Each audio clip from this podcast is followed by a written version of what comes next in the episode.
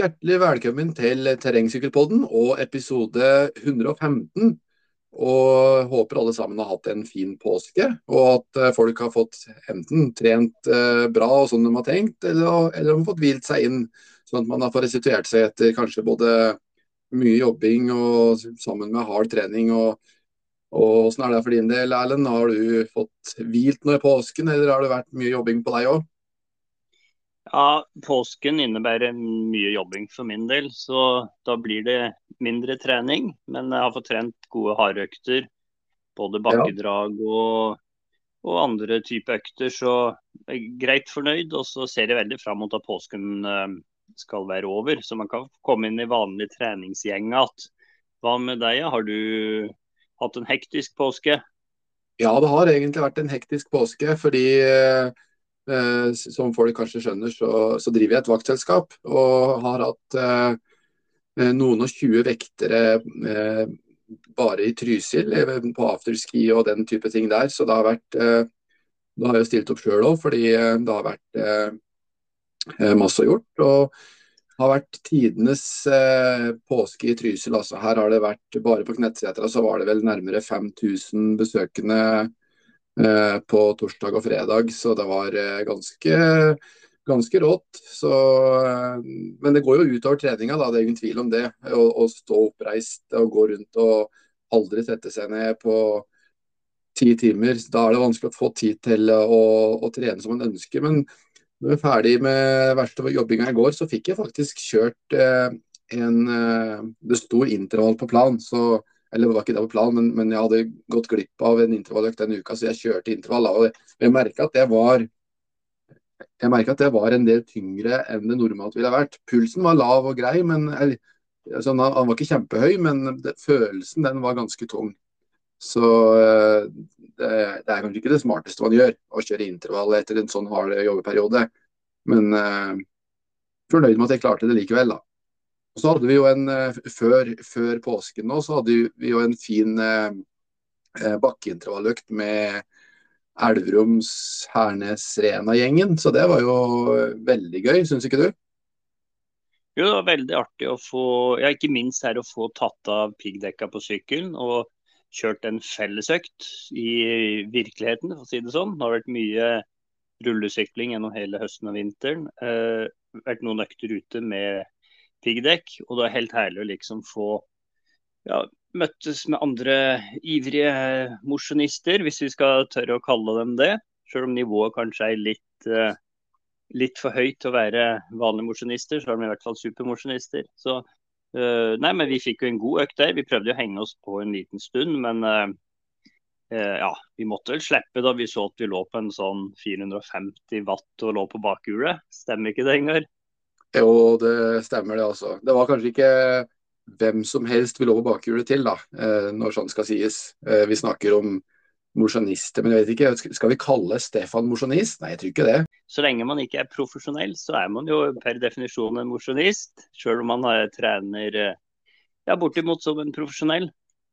Ja, jeg tror faktisk Stefan kan slå mange av de som er profesjonelle, jeg, på en god dag.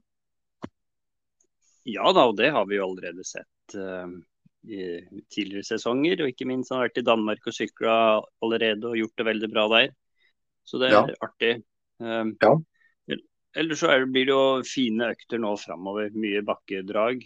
Og forhåpentligvis litt tempoøkter ute ettersom de fleste veier Det er jo fortsatt ikke sånn at alle veiene oppi her er bare. Så det, man må holde seg på enkeltstrekker foreløpig, men det, det, skal jo tine bra nå. Det har vært en fin påske med mye fint vær. og Så kommer det en uke nå med mye regn, så da kan det hende at mm. uh, snøen forsvinner, også der du bor. Ja, det blir kanskje Altså, På værmeldinga så ser det ut som det blir litt rulleøkter uh, pga. mye nedbør og litt slaskete vær. Men, men uh, hvis man ser litt positivt på det, så blir jo eh, både terrenget og veier bare mye kjappere når det regner en del. Så eh, det er jo supert. Ellers så jeg, jeg glemte å si det at eh, nå har jeg fått prøvd de eh, eh wattpedalene for første gang. da. Det, jeg har ikke kjørt ordentlig med dem før, eh, før nå den uka her. Jeg sa vel ikke noe om det på forrige podkast? Nei, det husker jeg ikke helt. Jeg tror ikke du, du Vi prata jo på dem, ja. At du hadde kjørt, men det var inne på rulla. Ja, de var inne på rulla, ja. Så de er litt snille på watt, da, sånn at watten viser litt mer enn uh, det det gjør på rulla. Men uh, det spiller jo ingen rolle det, så lenge man på en måte er klar over det og, og kan kalibrere ut ifra den watten man har på rulla. Og sånn sett så de øktene som han Christian legger inn på training peaks, på Christian fra målretta trening, som han legger inn på training peaks, det, det, vil jo faktisk være mulig å få kjørt dem eh, omtrent som på rulla.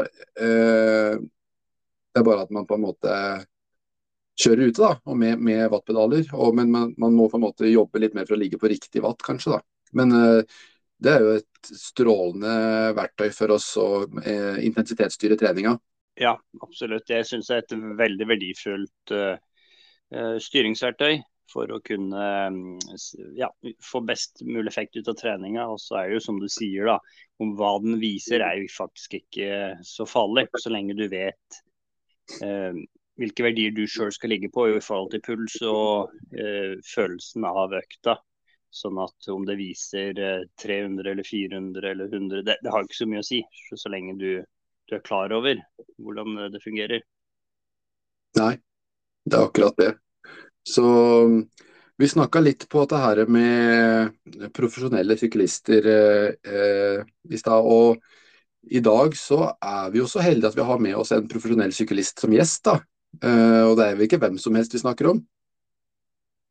Nei da, vi snakker jo da om eh, Ja, nå sykler han jo for Uno X, norsk eh, sykkel et landeveisteam. Eh, og har vel allerede vært norgesmester siden 2007. Så Alexander Kristoff har virkelig drevet på lenge i den bransjen her. Han um, har veldig mange gode plasseringer å vise til. Både internasjonale seire og på hjemmebane her. Um, vi tok jo en prat med han i forkant av, uh, av vårklassikeren uh, Paris-Robert, som uh, eh, Ja, vi var veldig spent på hvordan han eh, tenkte i forhold til det. Og så er det jo sånn at han sammen med, sammen med flere, bl.a. Dag Otto Lauritzen, har gått inn på eiersida i noe som heter Startup and Bike Folder, hvis vi har skjønt det riktig. Så Vi tar en prat med han om litt om det her òg. Hva, hva, det egentlig dreier seg om. Det er et veldig spennende prosjekt. Ja. Så eh, Er det noe mer du vil føye til før vi tar og Nei, prater? Eh, ja, vi kjører rett på med praten til, med Aleksander, så da, da hører vi med.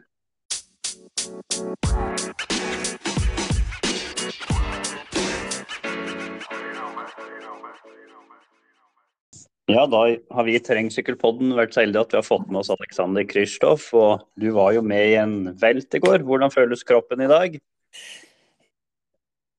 litt forslått, det må jeg si. Men, eh, men til, å, til, å, krasje i 70 km i timen, så følte jeg det gikk ganske, ganske bra, egentlig. Ja, du satt deg på sykkelen og kom deg til mål. Det gikk greit?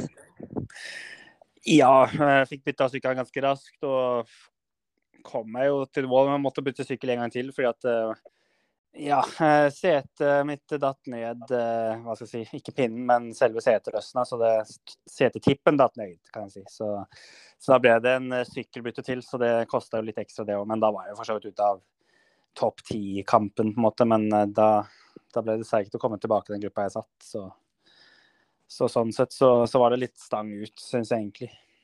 Hvordan gikk det med de andre som var involvert i samme velten, vet du noe om det? Jeg vet bare de to Intermarché-gutta som jeg var på lag med i fjor. Han ene knakk albuen, og han andre fikk hjernerystelse. Så, så, de røyk ut av løpet der. Eh, jeg vet ikke med de andre, men så jo Mahoric og de gikk noe rundt der, så de gikk vel tålelig greit, gjør jeg med. Men de brøyt nå løpet, de fleste av de som gikk ned der. Ja. Rekker du å tenke noe i, i det du skjønner at det kommer til å skje, eller skjer det så fort at du bare plutselig ligger på bakken? Jeg husker egentlig alt, så jeg rakk å tenke på at dette kommer til å gjøre vondt. Eh, for det gikk jo jæklig fort, for det er jo et av de stedene i løypa hvor det går raskest. Det er en måte, posisjonskamp inn i nedoverbakke inn mot Kanariberg. Så det er et av de litt frykta områdene for hvor det kan, kan gå krasj. For der går det i 70 pluss, for det er på motorvei nedoverbakke. Så, så eh, det er jo et av de verste stedene sånn sett å velte. Men eh, ja, det var ikke noe vei utenom for meg i går. Nei. Du skal kanskje sykle til søndag natt òg, eller Paris-Roubais, er det sånn? Ja, jeg kjører på onsdag og Schelde Pris. Så Ja. løp på onsdag og løp på søndag, ja. Så det går i ett? Ja, det gjør det nå i klassikersesongen. Så er det jo pause etterpå. Den kjører ikke løp igjen før uh, jeg kjører denne klassikerne. Så da har jeg, har jeg, på en måte litt fri og rolig. Så jeg kjører ett løp igjen 1. mai i Frankfurt, og så har jeg egentlig to uker til før jeg begynner med oppkjøring mot Tour de France i Dunkerque og Tour of Norway og Belgi, Tour of Belgium før jeg kjører NM og Tour de France. Ja. Det blir en del konkurranser i løpet av et år totalt? Ja, jeg tror jo tipper jeg kanskje mellom 60-70 gjør regning med, men i fjor hadde jeg 85, så man kommer ofte opp 85, eller kommer fort over 80 òg, så vi får se. Det kommer litt an på skader som på andre ryttere. Men jeg tror jeg, litt, jeg, får litt mindre i år. Jeg ligger allerede litt bak skjema fra i fjor. sånn sett. Vi starta jo litt senere i sesongen, og litt sånn, så, så det litt ekstremt mye, følte jeg, for jeg var mye endagsløp. Det er jo lett å få mange løpsdager hvis du kjører etappeløp, men uh, i fjor kjørte jeg ganske mye endagsløp, og likevel hadde jeg mye løpsdager, så da, da, var det ganske mye reising. Ja, Du var jo i brudd her om dagen òg. Kan du ikke si litt om grunnen til, til det? Det var litt til, altså litt tilfeldig òg, men det var, eh, var jo Gino, da, med sportsdirektøren vår, som ga et lite stikk til, uh, på, på, slutten av møtet. Ja, du kan jo gå i brudd òg, kan du ikke det? Liksom? Eller, liksom, jeg skulle jo egentlig ikke det, men uh, for jeg mente det var litt tungt for Vi hadde egentlig bare Martin Bugge Urinstad som skulle, eh, skulle gå i brudd. Så sa jeg det kan kanskje være litt tungt for én mann å dekke den bruddtingen, da, eller bruddkampen. Eh, så da kom han med det stikket at kanskje jeg skulle hjelpe til. Da. Så da, ja, da gikk jeg etter når bruddet har gått og prøvde meg en gang, og det gikk jo av gårde. Så da kom jeg med kritikk tilbake og sa hvor vanskelig er det egentlig å komme seg i brudd. Det var ikke så, prøvde bare én gang, og det gikk rett med en gang. det var ingen vanskelig sak, det, nei. Nei, men, men ja, det var, var, greit, det. Mm. Ja, Burde kanskje nesten prøvd på det i går òg. Når det tok så lang tid med bruddkampen, så gikk jo han Tim Melier og sånn etter det bruddet som etter hvert fikk gå etter to timer. Så jeg kunne egentlig nesten prøvd på det samme i går, for det tror jeg hadde lønt seg for min del. Men uh, men eh, det var ikke taktikken jeg skulle gå med i bruddet i går. Men når det tok så lang tid at vi nesten var inne i bakken før det bruddet gikk, så burde jeg nesten kanskje tenkt at jeg burde gjort det. Men det er lett å være etterpåklok. Ja da, og det kommer jo nye muligheter òg.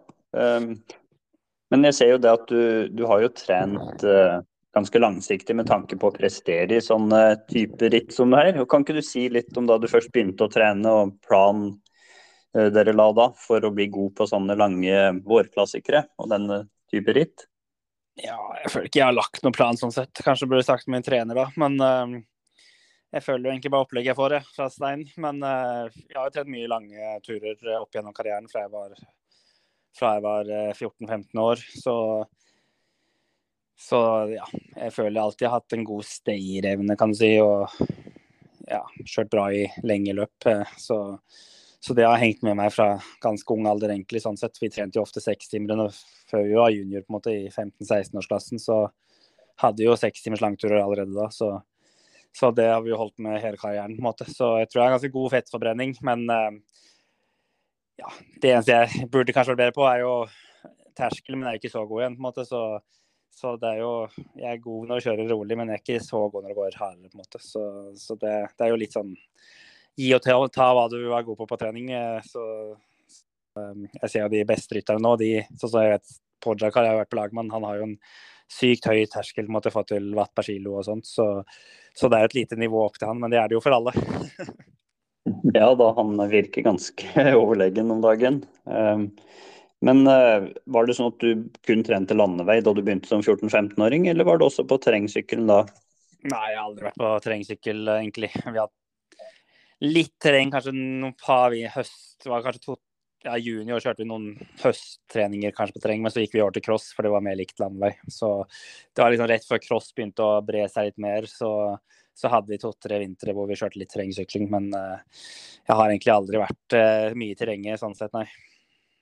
Nei, men uh, du har drevet med litt løpetrening i tillegg, har du ikke det? Jo, har ofte én løpeøkt eh, i oktober-november i uka. Så, men det er mest bakkeintervaller, så jeg er ikke så god til å løpe flatt. Så, det blir så mye harde slag, så musklene blir så stive. Men når du løper bakkeintervaller og løper rolig med på flatene, så får du ikke helt den samme effekten med slag i musklene. Så da føler jeg det, det, funker bedre sånn sett, med tanke på at du får pusta godt og lungekapasitet og alt det. Du får pulsen veldig bra opp eh, når du løper bakkedrag. Men så får du ikke de harde slagene i musklene som du får sånn typisk på løping, som ikke mine sykkelmuskler er vant til. Har, eh, har treninga di endra seg? Eh, er det sånn at du fortsatt følger Steins treningsprogram, og har det endra seg nå som du har blitt noen år eldre?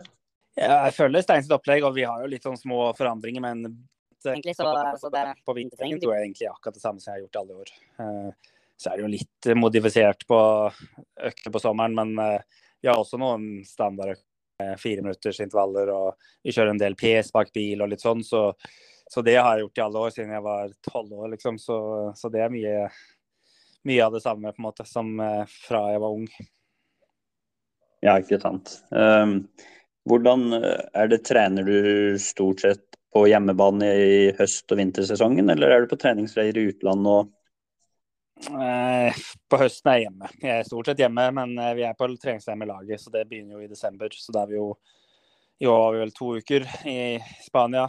Og så hadde vi også treningsleir to uker eller ti dager i januar. Så, så imellom de treningsleirene så er jeg på treningsleir på Gran Canaria med familien. Så fra desember til februar vil jeg jo si at jeg egentlig stort sett er på treningsleir, utenom akkurat jul, da er vi hjemme. Men, eh, så da er det jo mye i Spania på en måte, eller Gran Canaria. Men eh, frem til desember så er jeg i Stavanger. Jeg eh, trener mye styrke på crossykkelen og kjører med Ja, det blir jo cross sittestillingen på landeveissykling. Det var det jeg følte litt når vi kjørte ting på høsten her, så satt jeg så annerledes med armer og ryggstilling at det ble veldig si, kanskje mer behagelig stilling, men det ble unaturlig igjen da jeg kom tilbake på landeveissykkelen, hvor du satt mer aggressivt. da, på en måte.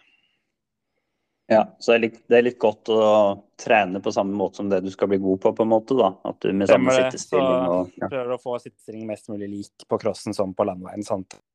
ryggen og, og som eller hva jeg si, droppet er det samme på en måte som, som på landeveien. Ellers så, så blir du uvant. og sitter jo egentlig, kunne jo med fordel vært sikkert blitt bedre teknisk og sitte mer komfortabelt måte i skogen. Men, eh, men, jeg føler da på får jeg litt sånn feil stilling. Eh, blir vant til en for, for, for komfortabel stilling da. Men når jeg trener på vinteren på cross og kommer jeg tilbake på landeveien, så får du fort vondt i korsrygg og sånt. Så da er det bedre egentlig bare være i samme stilling konstant, og så får det heller gå litt utover det tekniske. Ja, ikke sant.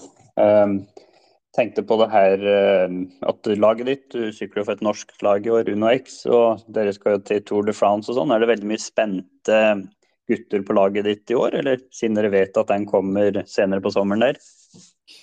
Ja, vi er sikkert en del særlig spente, men uh, ja, det er ganske Altså, mange av de vet jo hvem som skal til Tour de France og ikke, hvem som ikke er aktuelle. Men nå røyk jo Skårsetten ut med knekt eh, bein, så da blir det jo åpner seg en plass igjen. Måte som, han var jo rimelig bankers på det Tour de France-laget. Så det blir jo litt spenning å se det endelige uttaket. Det blir det jo. Ja, nei, Det så ikke så pent ut. Han sklei fram mot den uh, betong- eller steincrossen der. Ja, nei, det var, eh, var uflaks. Og, OK, du kan jo si det, si det at det var flaks, og kunne jo truffet et annet bein eller kne eller og knekt noe, noe verre enn leggen, på en måte. Men uh, igjen, det hadde jo ikke skjedd noen ting hadde jeg ikke truffet uh, den Hva skal jeg si, det er jo et slags bed, egentlig. Så, så det ja, kan være, si at det var flaks, men det kan være uh, uflaks òg, på en måte. Det, det kunne gått både begge veier, bedre og verre, sånn sett. Ja, ikke sant. Um, både jeg og Ingar er jo på alder med deg omtrent. og Har du noen sånne super treningstips til mosjonister hvis man skal bli på en god sommersesong? Jeg vet ikke helt. Eh, jeg har jo aldri vært mosjonist selv, så jeg vet ikke helt hva som er mest effektivt. Jeg trener jo bare fulltid, men, eh, men eh, ja. Jeg, jeg, føler jo Jeg trener jo en del variert, på en måte, men jeg har jo tid til å trene lange, skikkelig lange turer på en måte, og rolig. Og så har jeg tid til å sette noen dager til hardere intervaller. Men men uh, jeg vet jo mange som trener ganske mye mindre meg og mer effektivt, men å kjøre mer sone to og sweet spot og ligger rett rundt terskel på en måte og jobber, og så trener heller færre timer. Så det er nok litt mer effektivt hvis du skal få mest mulig trening ut av timene, så vil jeg nok anbefale å kjøre litt høyere intensitet enn hva jeg gjør selv. Men jeg har jo tid, jeg har jo hele dagen, jeg lever jo av dette, så jeg kan jo kjøre lavintensitetstrening og bruke seks-syv timer på det, på en måte, uten at det og fortsatt ha tid til å komme hjem fra skole og barnehage, på en måte. Så, så sånn sett har jeg jo privilegert på den måten at jeg har litt mer tid og kan trene kanskje på en annen måte enn en mosjonist kan gjøre. Ja, ikke sant. Det høres jo helt herlig ut. Eh, når du kjører de her lavintensitetsøktene, kjører du da med wattmåler og pulsmåler òg, eller går du på følelse da? Ja, med watt og puls da, og ligger vel sånn rundt 200 watt i snitt, så det er ganske rolig for min del. Pulsen ligger vel ja, kan ligge fra 90 til 110 ofte i snitt. Jeg kommer litt an på hvor fresh man er og sånn. Så eh, da er det jo rolig. Så da er det bare å kle seg hvis det er kaldt. Men uh, har jo ofte, ja, hvordan, ofte noen hvor... uh, intervaller inni en sånn langtur. At jeg kjører noen drag, på en måte.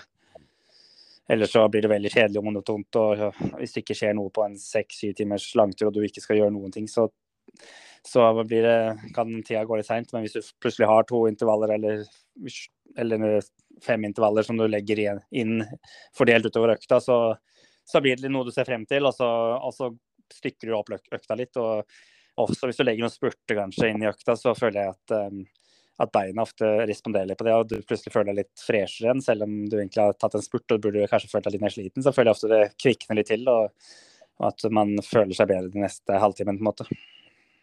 Ja. På, på, vinteren på hjemmebane, er det snødekte veier og sånn, så du må jo på med piggdekk, eller er det bare veier og sommerdekk hele året? Stort sett bare veier i Stavanger.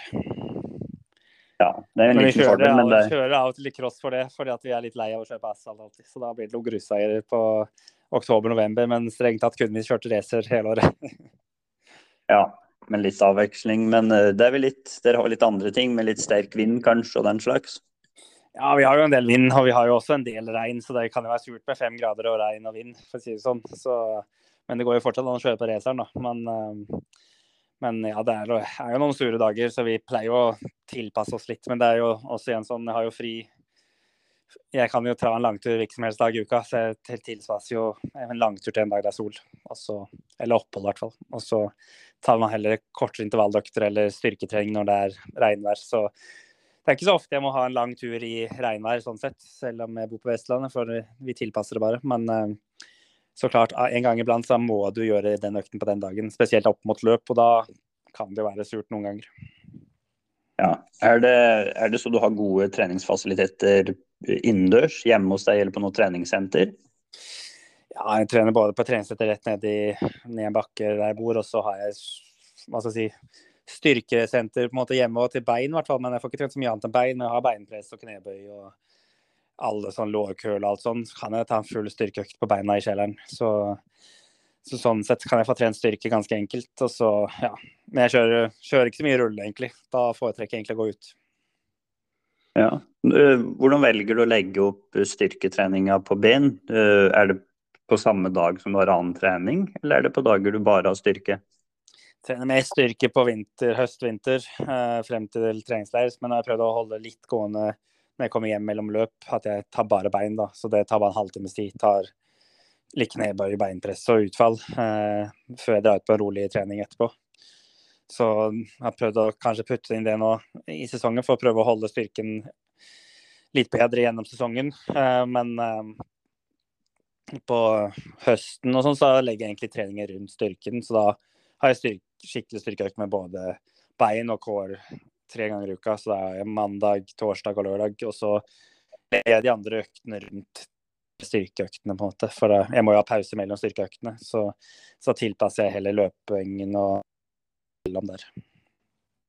Ja. Ja, da jeg sitter og lytter på. Syns det er spennende. Du, du, nevner jo at det her med løping, og at du løper eh, sånn ca. én gang i uka.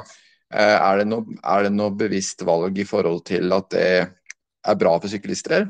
Ikke om det er noe spesielt bra for syklister, men jeg har hørt at han har et løp igjennom hele sesongen, og han er ganske bra, så det er sikkert ikke så dårlig heller. Nei. Jeg mener Tor Hushovd òg hadde det i treningsplanene sine, at han løpte en del bakke, bakkeintervaller, tror jeg. Jeg syns i hvert fall bakken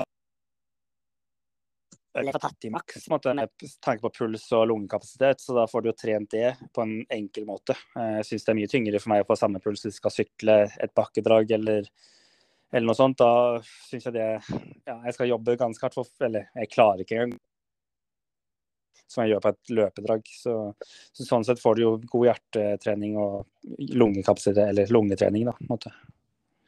Ja, man gjør jo det.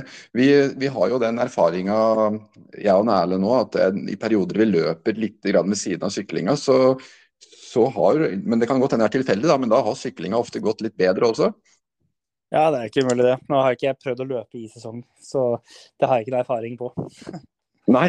men eh, jeg, jo, jeg, løper jo når jeg trener på høsten, der, men da trener jeg så mye styrke også, så da føler jeg ikke jeg sykler så veldig bra. Men da er jo beina veldig daue når jeg er på sykkelen. Så da er det jo litt sånn styrkebein, som kaller det. Så da er det lite futt egentlig i beina, sånn sett, for de er jo helt smashed. Ja. Nei, vi har jo litt uh, Jeg og Erlend har jo litt forskjellig treningsprogram på styrke, så der, der, har jo jeg en del mer styrke enn, enn det han har. Så det blir spennende å se hvordan sesongen blir uh, med tanke på det òg. Ja.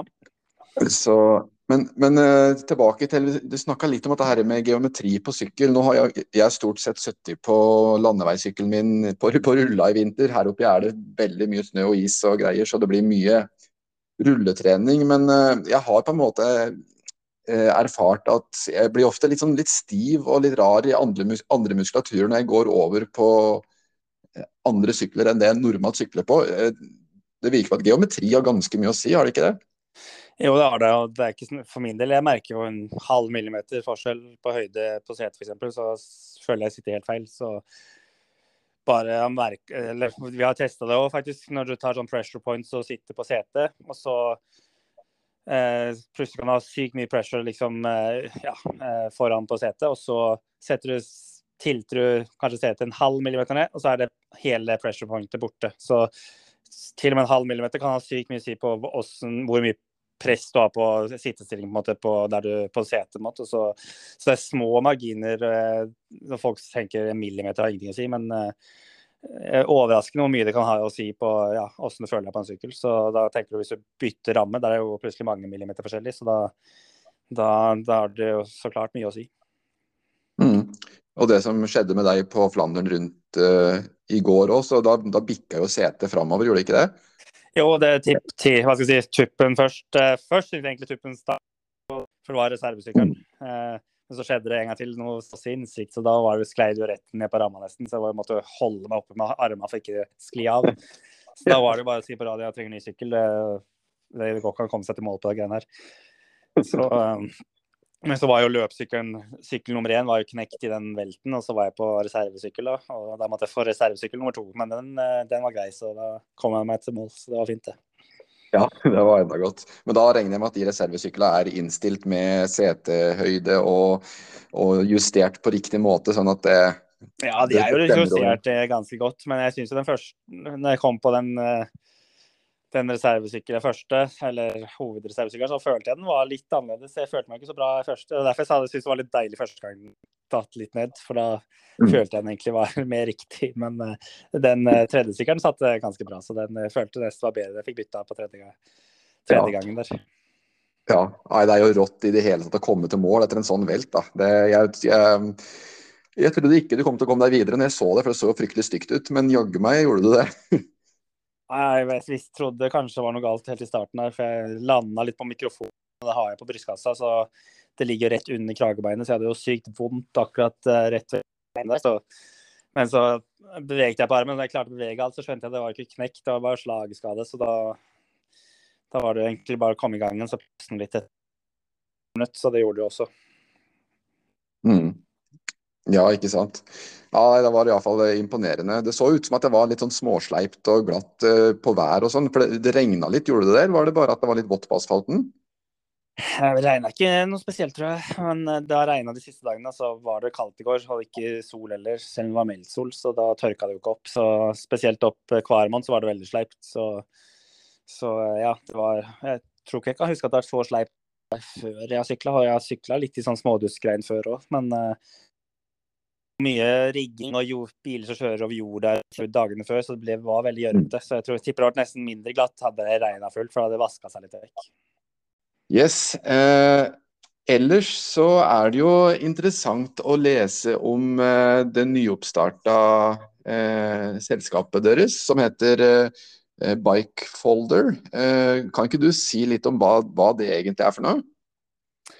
Ja, Nå er ikke jeg han dere bør snakke med sånn sett der. Jeg, er jo med, jeg var jo med og starta det på en måte som medgründer, kan du kalle meg. Men uh, det starta litt i små, jeg og Sondre. Vi ja, snakket litt om litt problemer med hva skal jeg si uh, sykkelverksted, og at de hadde sykt mye jobb på våren og alle skulle fikse sykkelen sin. Og så var det liksom Det måtte vært mye enklere hvis du fant en løsning på å kunne få noen serviceintervall på de syklene. og så fått litt fordelt det ut litt, sånn at ikke plutselig alle skulle inn i våren. Og så jobber jo ikke mekanikerne på høsten og vinteren, liksom. Og så, så var det egentlig kanskje å lage system rundt det, og så har det balla på seg. Og det har blitt et servicehefte på sykkel, og vi har fått med masse ja, sykt med eller eh, merker, måte, eh, sykkelmerker med på dette. her, og så Du får speksene i et kort. måte, så Når du f.eks. kjøper en sykkel, så får du måte, den bikefolderen til den sykkelen med alt av utstyr og alt står der. Så hvis f.eks. giren skulle ryke, så kan du bare sende, sende sykkelen din til eh, servicen. da, på en måte, Sende den bike-filen, din sykkel, inn der. Så ser han eksakt hvilket utstyr som du skal ha. Hvilket kjede, hvilket gir og enkelt å bestille inn. da, Så gjøre alt dette mer sømløst og enkelt for både, både eieren av sykkelen og for verksteden. Og så har de jo balt på seg med ja, litt forsikring som kommer rundt eh, sykkelforsikring. Og, og, linke forsikringsselskapet mot de som kjøper sykler og sånn. Så, så, det blir spennende å se. Nå skal det jo lanseres her, så vi er i liksom test, beta-testperiode. Så håper vi at det går bra, at det går, funker. Så det er jo alltid litt sånn bugs med sånne apper og sånn, så vi må få det til å bli sømløst før det lanseres helt. Mm. Det er, er, det sånn at dere har fått eh, samarbeidspartnere over hele Norge med tanke på verksteder og sånt? Eller? Ja, nå er det jo først å få testa litt ut, men uh, må nesten høre med Sondre. Han er mest oppdatert på hvor mange samarbeidspartnere som er inne nå. Men vi har fått, uh, vi fått mange med på laget. og og også for uh, sykkelmerkene uh, generelt. Si at f.eks. Canyon da har en sykkel, og de f.eks. det var et år her de hadde et styre som ikke var defekt. Igjen, for vi må bytte styre eller styrelager eller på. Måte. Og da hvordan skal du få tak i å få bytta det hvis det er noe som er defekt eller noe som må tilbakekalles. Så da er det den bikefolderen også kan hjelpe også forhandle, eller eh, leverandører, mener jeg. og da overfører du f.eks. når du kjøper, selger sykkelen videre, så overfører du også fila di, eh, sykkelfilen, til den nye personen som kjøper eh, sykkelen. Måte, så han overtar på en måte serviceheftet eh, til sykkelen. Og ja, Der står det også alt som er gjort med sykkel. på en måte. Hvis du har bytta skjede i 2019, så står det at det skjedet var bytta der, f.eks. Også alt som eh, er gjort med sykkelen, på en måte. bytta gir, bytta gaffel, vet ikke jeg. Så står det i det heftet, på en måte. så Sånn at det blir enklere og mer trygt også for som kjøper en brukssykkel og ser at den er blitt tatt godt vare på eller den har ikke blitt gjort noen ting med, så det bør gjenspeiles i prisen. ikke sant? Så, så det skal jo være ja, et hjelpemiddel for, eh, for, mange, på en måte. Ja da, det, det, høres jo også ut som et hjelpemiddel for de som ønsker å kjøpe bruktsykler òg. At, man får på en måte en historikk på sykkelen eh, på hvor godt han er tatt vare på, på en måte. Stemmer det. Så det er jo litt Du kan jo kjøpe en brukssykkel ikke ha peiling på hvordan den har blitt behandla, men hvis du ser den har vært jevnlig på service og og at det er blitt bytta slitedeler, så er det i hvert fall en liten trygghet på at den er blitt bedre behandla enn, enn, at du ikke har peiling i det hele tatt. hvert fall. Ja, ikke sant. Og så leser jeg her at det eh, på den plattformen eh, bikefolder.com så, så, vil det òg være eh, kostnadsfrie innføringskurs i både terrengsykling, landeveissykling eh, og BMX. Eh, hva slags type kurs er det? det har ikke jeg fått med meg ennå, så det var høre med Sondre hva slags kurs det gjelder. Så, så det, jeg har ikke, nå har jeg vært så travelt opptatt her i Belgia og på og sykkelsesongen, så nå har jeg ikke vært inne på kontorene der på en liten stund. Så, men det er noe nytt i så fall for min del. Ja, Nei, han klarer ikke å få med seg alt når han skal drive og sykle såpass mye. Så da får de som driver, driver business, drive business. ja, de tar seg av det. Så, så jeg er jo en del i samtaler i starten der å få dette opp og running, det er jo det er jo Hans Sondre Nordland som har stått bak eh, det meste på en måte, og hele ideen sånn sett, og jobbet med utviklere og og ansatt folk som ja, så nå er det jo et bra team der som jobber, jobber heltid med dette her. Så så det, blir spennende å se oss, hvor dette bærer hen. Det er jo helt i startfasen, så, så det blir spennende å se om det, ja, om det er liv laga, på en måte, og at vi får dette til å gå rundt. Det, det håper vi jo, det tror vi. Og har jo, ja, vi føler vi har et bra produkt som virker trengs, et, et produkt som ikke måte, og som mangler, og som f.eks. du har for på biler. Eh, er det jo et servicehefte og historikk, men hvorfor skal det ikke være det på sykler? på en måte, Det, det skjønner ikke vi. så det, det håper vi. Og nå som spesielt sykler også blir dyrere, eh, elsykler, så er det jo også ja, viktigere for folk å ta godt vare på dette. her, Så, så det, det, har vi tro på skal være noe som folk eh, ser verdien i. da. Mm. Ja, Det er jo vanvittig spennende. og Jeg tror at det er noe som kommer til å, å lykkes. Altså, fordi det er, eh, som du sier, noe som mangler. Eh, det, det fins jo rett og slett ikke. Så, og det fins jo på biler, og sykler er jo blitt eh, ganske, ganske eh, kostbart, eh, for å si det kostbart sånn. Kostbart og komplisert, vil jeg si. Mye, mye elektronikk etter hvert. Så, så, før var det jo ganske enkelt å bytte en vaier, men nå begynner det å bli verre med alle de kablene og, og finmotorikken som skal uh, fikses. Det må jo nesten ha sånn innføringskur på apper og alt mulig for å bare stille en gir. Så det, det er ikke like enkelt som det var en gang for noen, ikke så lenge siden engang. Ti år siden så var det mye enklere. Ja, nei, det har skjedd veldig mye altså, på ganske kort tid. Så den teknologien den går framover på På godt og vondt. Det, det, på godt og vondt, ja. Det, det er riktig. Så nei, Litt tilbake til uh, syklinga di. og er det, er det, Tour de France som på en måte blir uh, sesongens store mål, tenker du? Er? Jeg tror egentlig VM blir et større mål for min del. Men uh, Tour de France er jo to, to, ferdig to uker før VM. Uh, yes, ja, Tour de France blir jo viktig, det er ikke tvil om det. Uh, det blir stort med norsk lag og sånn, men av erfaring så er jo ikke det raskeste rytteren i felt lenger. og det blir nok vanskelig å vinne en spurt, så jeg må nok være litt heldig i spurten i så fall. Eller så komme et heldig brudd som holder inn i så fall. Så sånn sett så jeg føler jeg har eh, kanskje litt mindre sjanse i en Tour de France-etappe enn jeg har i et VM som er lengre og seire, og også passer meg ganske godt til Glasgow i år. Så, så, jeg håper jo at jeg får litt samme effekt som i fjor. I fjor kjørte jeg Tour de France uten å prestere noe spesielt godt. Det ble en tredjeplass på siste etappen. Og så vant jeg plutselig og kjørte veldig bra to uker etterpå eh, i noen belgiske semiklassikere. Så så jeg håper litt på samme effekt eh, i år. At jeg får kjørt meg liksom mer og mer i form i Tour de France. Og at jeg i VM, da, som er veldig mye tidligere i år enn det har vært de siste årene, det kommer jo i august. Så at jeg er i form der og kan bite fra meg der. Ja, Nei, det, Tour de France blir jo på en måte en veldig oppkjøring da, mot uh, VM. Uh, hvordan er uh, løypeprofilen i VM-løypa i Glasgow? Er det, er det mye kupert? Ja, men det er veldig sånn korte knekkere jeg tror den er ganske lik EM-løypa vi kjørte i 2018.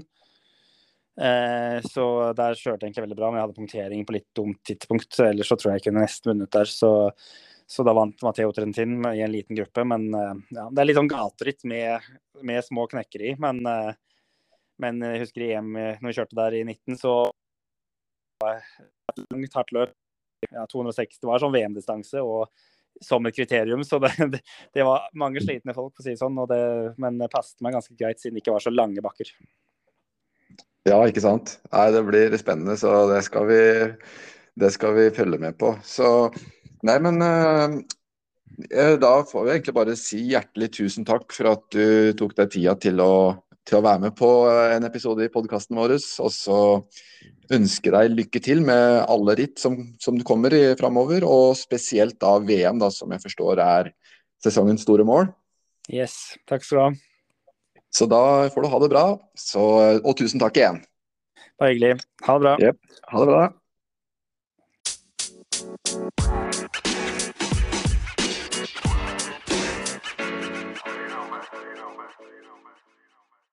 Yes, må jammen si det var en ære å ha med Alexander Kristoff i Terrengsykkelpodden. Vi er jo riktignok en uh, terrengsykkelpodkast, men uh, jammen er det moro å høre fra Norges og, og verdens beste landeveissyklister òg, altså. Så um, jeg er virkelig takknemlig for at vi fikk den praten med Alexander.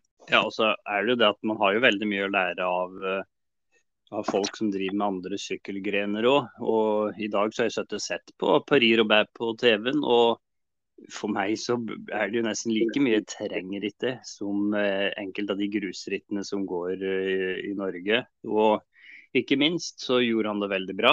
Lå eh, langt framme veldig lenge. Var dessverre den siste som ikke kom med i det avgjørende bruddet. Måtte slippe seg ned til hovedfeltet. Holdt følge med hovedfeltet inn til mål. Og hva skjedde i hovedspurten? Jeg ser på resultatlista her nå at i det hovedfeltet så lå det vel faktisk eh, Oi, mange, mange, mange. Det må vel være en 30-40-50 i det hovedfeltet. Eh, og i det hovedfeltet så er det Alexander som stikker av med seieren. Så det er rått. Han blir nummer 15 totalt. Eh, men hovedfeltet er det han som tar, altså. Så det er rått. Ja, da veldig artig det der. Også veldig god prestasjon. Beste nordmann. Og veldig artig ritt for den som ikke har sett på det. Det er jo mye action, mye fall, mye punkteringer. Eh, ja, tilskuere som blir kjørt ned og det, det, den slags. Så det, det, er nesten like mye action der som i terrengsykkelritt. Så det var veldig artig. Og som du sa, veldig, veldig sporty av Kristoff å stille opp på en prat med oss. Det setter vi veldig stor pris på. Ja, virkelig. Så det er bra. Ellers, eh, fra det ene til det andre. Eh, nå i dag så tror jeg kanskje jeg har tatt siste skituren min eh, den sesongen her. Så var ute og gikk en skøytetur på en og en halv time ca. Så har du vært noe på skia i det siste, eller er det kun sykkel som teller? Ja da, skia dem har jeg rydda bort for ja, forrige helg, faktisk. Da da tenkte jeg at nå er det bare å rydde dem bort. Og vi har jo lagt bort, eller i hvert fall for min del, da, så har jeg jo lagt bort uh, det med å gå på rulleskia. Så nå blir det vel ikke noe skigåing før snøen kommer igjen og det kjøres spor i dette området. Så blir det bare sykling i måned etter måned. Og det kommer jo sykkelritt for vår del nå som perler på snor utover. Så det gjelder å ha fokus nå, altså. Ja, virkelig. Jeg har forresten veldig lyst på å få høre litt med de arrangørene av eh, hannekamp og rypejakt etter hvert òg. Det hadde vært morsomt å høre litt hvordan de ligger, ligger, an med forberedelser og hvordan løypa er. Det er jo tidlig, da. Det er jo, selv om det er i, i Drammen-området, er det ikke Mjøndalen, så, så, er det vel tidlig. Det er jo midt i mai, faktisk. Og det er jo NM eh, maraton eh, det året her. Så det hadde vært virkelig gøy å få uh, tatt en prat med dem. Absolutt. Og så kan vi anbefale dem som fortsatt ikke har hørt episoden vår om Simplicity terrengsykkelfestival.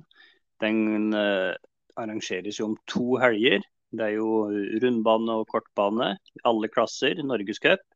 Og som uh, han prata på, han uh, som er med og arrangerer det, at antageligvis så kan det jo bli norgesmesterskap der i den løypa neste år. Så vi oppfordrer alle til å melde seg på å få en bra gjennomkjøring og bli kjent med løypa der allerede i år. Så det, det, er mye som skjer nå, mye ritt. Um, men fortsatt er det jo ikke noe terrengforhold her vi bor.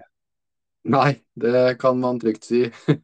Det, når jeg var ute og gikk på ski i dag, så tenkte jeg litt på at dette med nå, nå, er jo mange av, av, sikkert mange av våre lyttere òg ute på stier og kjører på kanskje teknisk underlag allerede. Og her ligger det tjukt med, med, snø fortsatt. Så vi får nå se. Eh, håper jeg får en del teknisk, teknisk utbytte av å sitte på rulla, da. Tror du det, Erlend? Jo da, det går jo an å sitte der og drive med litt tyngdeoverføring og reise seg og tråkke litt. Og... Nei da. Nei, ja, det, er, det, er med, det, er, litt annerledes når du kommer ut, i både i forhold til vind og underlag og for vår del, da, som driver mest i terrenget, at uh, det blir litt, uh, litt, andre ting å tenke på. Det er ikke ren watt og, kondisjon, for å si det sånn, som har noe å si. Uh, jeg føler at både du og jeg har fått trent opp vatten vår ganske bra gjennom høsten og vinteren. sånn at det er jo nesten ikke lenger der det ligger. Nå går det mer på å tilegne seg god teknikk og taktikk og den slags. Ja, ikke sant. Det er jo det. Så eh, nei, det blir, eh, det blir spennende framover. Og det, det, er ikke lenge til rittsesong, altså. Det er eh, ganske sykt å tenke på. Så, så det er på en måte det, det, kribler veldig i beina til å komme i gang og møte kompiser og andre syklister ute på, på ritt. Altså det er det må si jeg gleder meg noe helt vanvittig. Og med det så kan vi vel bare si at vi kommer tilbake neste uke med en ny episode. Ehm, og håper nå alle kommer i gang med vant trening igjen, og alle har hatt en fin påske. Ja, vi gjør det. Så eh, tar vi bare og runder av for denne gangen her. Eh, og da høres vi igjen neste mandag. Ha det bra, da.